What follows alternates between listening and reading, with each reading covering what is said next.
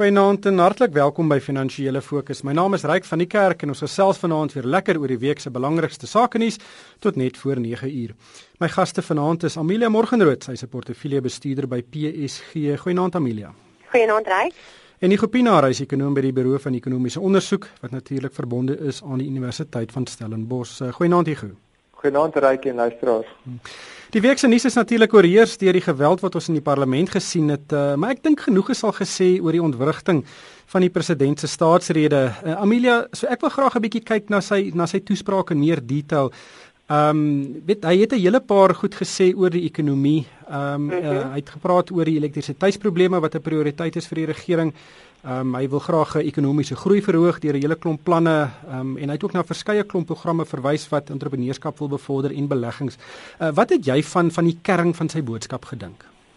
Kyk, ehm um, raak laat ons dan nie doekies omdraai nie. President Zuma se toesprake was nog nooit vreeslik ehm um, opwindend nie en gewoonlik ehm um, kom daar nie veel van die goed wat hy kwytraak nie baie kere, jy weet, soos gewoonlik in ander jare het ehm um, hierdie toespraak aan die begin van die jaar van hom nie veel aandag getrek nie. Ek dink hierdie keer was daar baie meer belangstelling daarvoor gewees want almal is meer geïnteresseerd oor die energiekrisis in Suid-Afrika en wat sy oplossings uh, moontlik gaan kan wees daarvoor.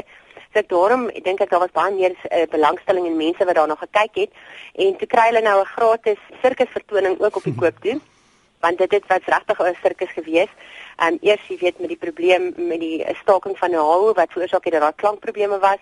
Dis dan nie water vir die ehm um, parlementslede om te drink en toe natuurlik wat soos amper nou teen hierdie tyd ou nuus is die gas wat daar nou uitgebreek het later. Ehm um, maar oor die algemeen dink ek die toespraak self ehm um, was so saaklik maar vol eintlik maar jy weet goed wat nie regtig te veel saak maak nie. Dit is nie goed wat mense regtig wou gehoor het nie. Ek dink daar was een of twee skokke gewees. Vir my eerstens was daar die grondhervorming wat hy na verwys het. Daar was nie baie detail gewees nie, maar die goed wat hy genoem het was nie goed gewees nie. Ja goed, um, die die ekonomie is natuurlik die die middelpunt van wat weet waar om Suid-Afrika draai en daai middelpunt is op die oomblik besig om momentum te verloor. Wat het jy uit die toespraak uit weggeneem en en wat wou jy sou jy graag wou hoor? Ek dink reg is miskien dalk 'n bietjie te veel om te verwag, maar ek dink mense sou graag wou gesien het dat uit 'n sakelei oogpunt of uit 'n individuele oogpunt laat die president vir ons bietjie vertroue skep dat die regering in staat is om hierdie probleme waarmee ons worstel doeltreffend aan te pak. En ek moet sê daar's ongelukkig min wat mense kan sê dat regtig oor die kort termyn daar konkrete goed aangekondig is wat wat, wat vertroue skep. Um, as mens vinnig na elektrisiteit kyk, Daar is 'n klomp syfers genoem oor kapasiteit, soos byvoorbeeld die die president verwys na 10000 megawatt wat ons gaan kry uit die nuwe steenkoolkragsentrale. Maar dit is oor baie jare. Ek meen dit is oor 5, 6, 7 jaar wat ons eers daai kapasiteit kry. Daai 10000 megawatt, as ons gelukkig is, gaan ons vanjaar 800 van daai 10000 kry van die eerste eenheid van uh, Medupi. So Ek dink, jy weet, veral oor oor energie is daar in my opinie nie nie nie baie wat mens kan vat om te sê kyk die regering um, is in staat om oor die kort termyn ehm, 'n um, beter uh, elektrisiteitsvoorsiening um, op, op op die tafel te sit nie. En dan het Amelia nou nou vinnig verwys na na na een of twee uh, spesifiek negatiewe aankondigings uh, maar, maar voor ons daarby kom um, ek wil gou by stil staan by by kern by die uh, by die elektrisiteitsding. Hy het baie klem gelê op kernkrag wat wat nou al 'n tema is die afgelope paar maande. En en die bedrag wat genoem word is reusagtig. Uh, weet dat oor die inkomste is met Rusland gesluit van oor die 50 miljard dollar. Dit is 'n geweldige hoeveelheid geld. Dink jy kernkrag is enigstens 'n opsie vir Suid-Afrika? As mens kyk na die nasionale ontwikkelingsplan se voorstel en dis nou wat wat hoog opgehou word as kom ons sê die blou druk vir waarheen uh, Suid-Afrika gaan. In daai plan is kernkrag nie op die tafel nie. Daar daar word spesifiek die punt gemaak dat ons nie eintlik kernkrag nodig het nie. So in daai opsig gaan hierdie kernkragplanne eintlik teen van die die ander planne um, in die regering. So ek dink dit dis 'n bietjie van 'n bekommernis. En ek meen ons ons kan nou lank praat oor of daar ander motiewe agter dit is. Ehm um, en dit blyk inderdaad ehm um, so te wees want soos ek sê dit dit, dit blyk nie asof ons regtig oor 10 jaar kernkrag gaan nodig hê nie. As ons dit vandag gehad het, sure, jy weet dan dan dink ek sou sou dit ons baie gehelp het, maar ek meen oor 10 jaar is Medupi, is Kusile, is al hierdie groot kragsentrale klaar gebou, dan het ons hopelik uh, voldoende elektrisiteitskapasiteit en en dan het mens eintlik nie wel waarskynlik waar, waar ons nou staan en wat ons nou weet, het ons in alle waarskynlikheid oor 10 jaar nie regtig ehm um, daai hmm. daai krag nodig nie. Ja, hy definitief in sy staatsrede aangevoer dat daar 'n nuwe kernkragstasie binne die volgende 8 jaar gebou gaan word. En um, hy het ook mos daarin gesê dat hy al daar is al reeds samewerkingsooreenkomste gesluit en ons al voorleggings ontvang van vyf verskillende lande, dis nou die VSA, Frankryk, China en Suid-Korea, Sinakiso en Rusland.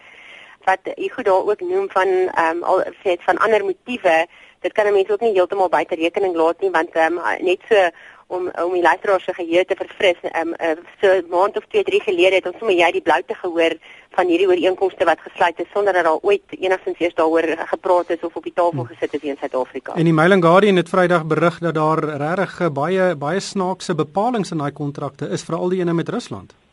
Ja, so ons gaan nou maar moet sien. Hy het gesê in hierdie toespraak dat die tenderproses om hierdie kernkragstasies te bou baie billik, deursigtig en mededingend sal wees. Nou ons almal weet hoe ehm um, deursigtig en mededingend um, die kontrakte was wat vir Medupi en Kusile waar die ANC se beleggingsarm 'n belang gehad het in Hitachi Afrika. Hmm. Ehm um, so ja, dit is natuurlik alles 'n uh, bietjie onder verdenking. Ja, daai bepalinge is natuurlik glad nie ten gunste van Suid-Afrika nie. Maar maar goed die ander ding wat mense bietjie waarom om om, om die kraag gemaak het is die uh, eienoomsregbepaling dat buitelanders uh, mag nie meer eiendom in Suid-Afrika besit nie. Hulle gaan lanktermyn hierooreenkomste moet teken. Maar weet jy wat? Dit is vir my een van die vinnigste beleids standpunte wat die regering of die ANC nog ooit geformuleer het wat beweeg van die ANC se besluitnemingskringe tot in die staatsrede. Dit was 'n paar weke wat hy daai migrasie gemaak het. Dis 'n geweldige vinnige toepassing van hierdie uh, van hierdie beleid. Ja, dit is nogal en um, ek weet nie, jy weet mense kan nou spekuleer daaroor, maar maar mense kry halfie vermoede dat dit 'n bietjie van 'n teenreaksie is op op die EFF. Weet dit is interessant dat die nasionale ontwikkelingsplan eers genoem is hier naby aan die einde van die toespraak waar in teenstelling daarmee het die president begin na die uh, sy toespraak weer na die Vryheidsmanifeste verwys.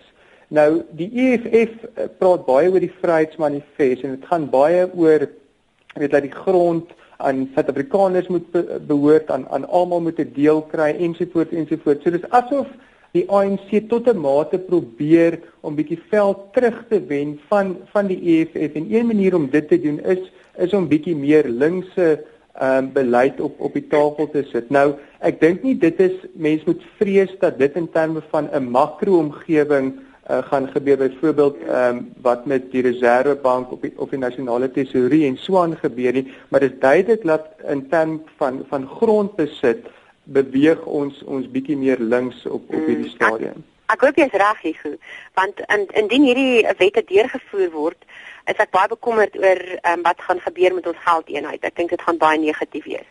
Maar kom ons praat 'n bietjie oor die geldeenheid. Ons het nou die uh, molester daar in die parlement gesien. Ons het uh, die polisie in die parlement gesien. Ons het uh, stories van uh, gehoor van syne wat geblok is in die parlement. En die volgende dag Amelia hardloop die beurs tot 'n nuwe rekordhoogtepunt in die rand versterk. Kom, sê vir ons hoekom ja. het hoe hoe kan dit gebeur? dit wys nou net ehm um, reik dat ernstige beleggers kyk na ernstige faktore en onderliggend na fundamentele faktore wat die wat die waarde van 'n maatskappy beïnvloed. En 'n mens moet altyd onderskei tussen wat gebeur in die politiek en wat daar op verhoog gebeur en maatskappye se vermoë om om om um, winsgewend te wees en om winsgewend besigheid te kan doen. Ek bedoel daar's 'n maatskappy soos Woolworths wat hulle resultate bekend gestel het. Hulle het natuurlik ernstig uitgebrei met die oorneem van David Jones na Australië en daar het hulle hierdie fantastiese stel resultate gelewer. Die aandeleprys het net in die laaste 90 dae met meer as 20% gestyg.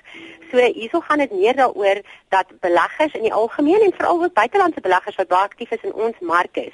Hulle is baie geïnteresseerd in die dubbelgenoteerde maatskappye en groot maatskappye met met um, belange reg oor die wêreld. Um, hulle is baie meer daarin geïnteresseerd as wat as al die slegte nuus en slegte klein goedjies ja. wat hier op die Suid-Afrikaanse ekonomiese verhoog uh, politieke verhoog aan die gang is. Amila die korrelasie tussen die gemoedstoestand van die land en die wisselkoers en die aandelemarkte is besig om te verander. In die 90's was hulle baie naby. Ons het hier baie baie hmm. patong gevalle gesien wat die rand en die aandelemarkte skerp geval het. Deesdae lyk dit asof daar eintlik geen korrelasie is nie. Uh, hoe, hoe hoe hoe moet beleggers nou kyk na wat nou gebeur? Moet hulle maar weet uh, tevrede wees met die beurs wat styg en in in in die land afskryf of die politieke gebeure nie in berekening bring as hulle beleggingsbesluite neem nie? Of dink jy daar kan in die toekoms weer 'n nouer korrelasie wees tussen die twee?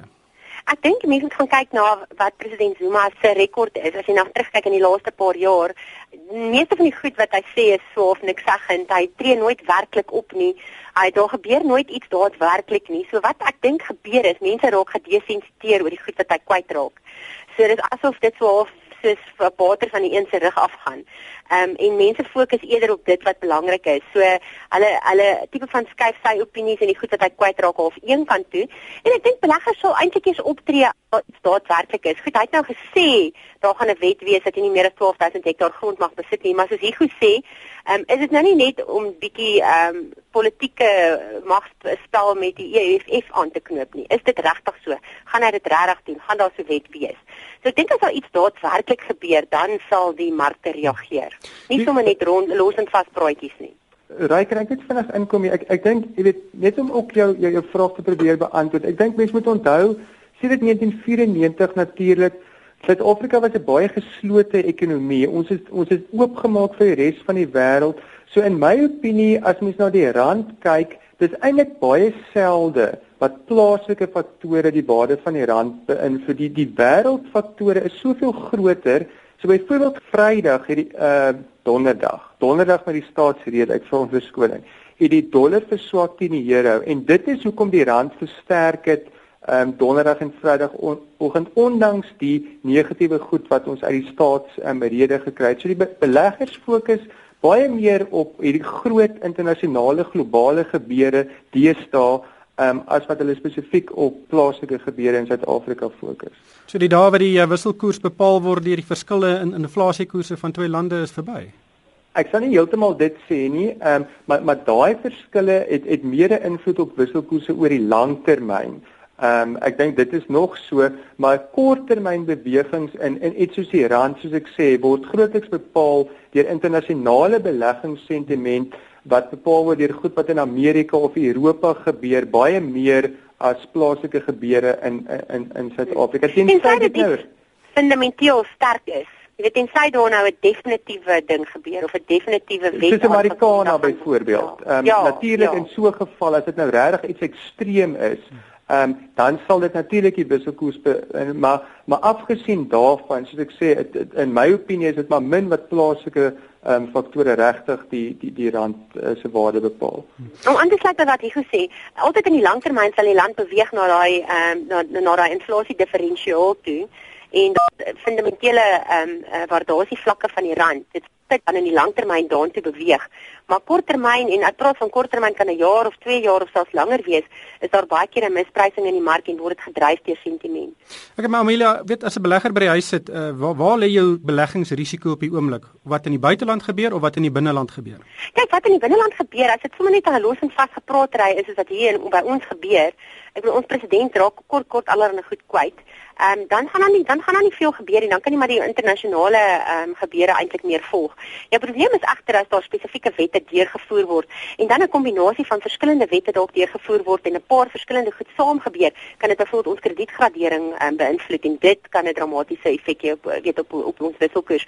So die oomblik as daar 'n kollektiewe klomp goed saam gebeur, dan kan dit 'n definitiewe effek hê. Ongelukkig het die tyd ons ingehaal. Baie dankie aan Amelia Morgenrood van PSG en die Gopinaar van die Buro van Ekonomiese Onderzoek en van my ryk van die kerk. Baie dankie vir die saamluister en ek hoop almal het nie net 'n winsgewende week nie, maar dat ons nooit ooit weer die polisie in die parlement sal sien nie.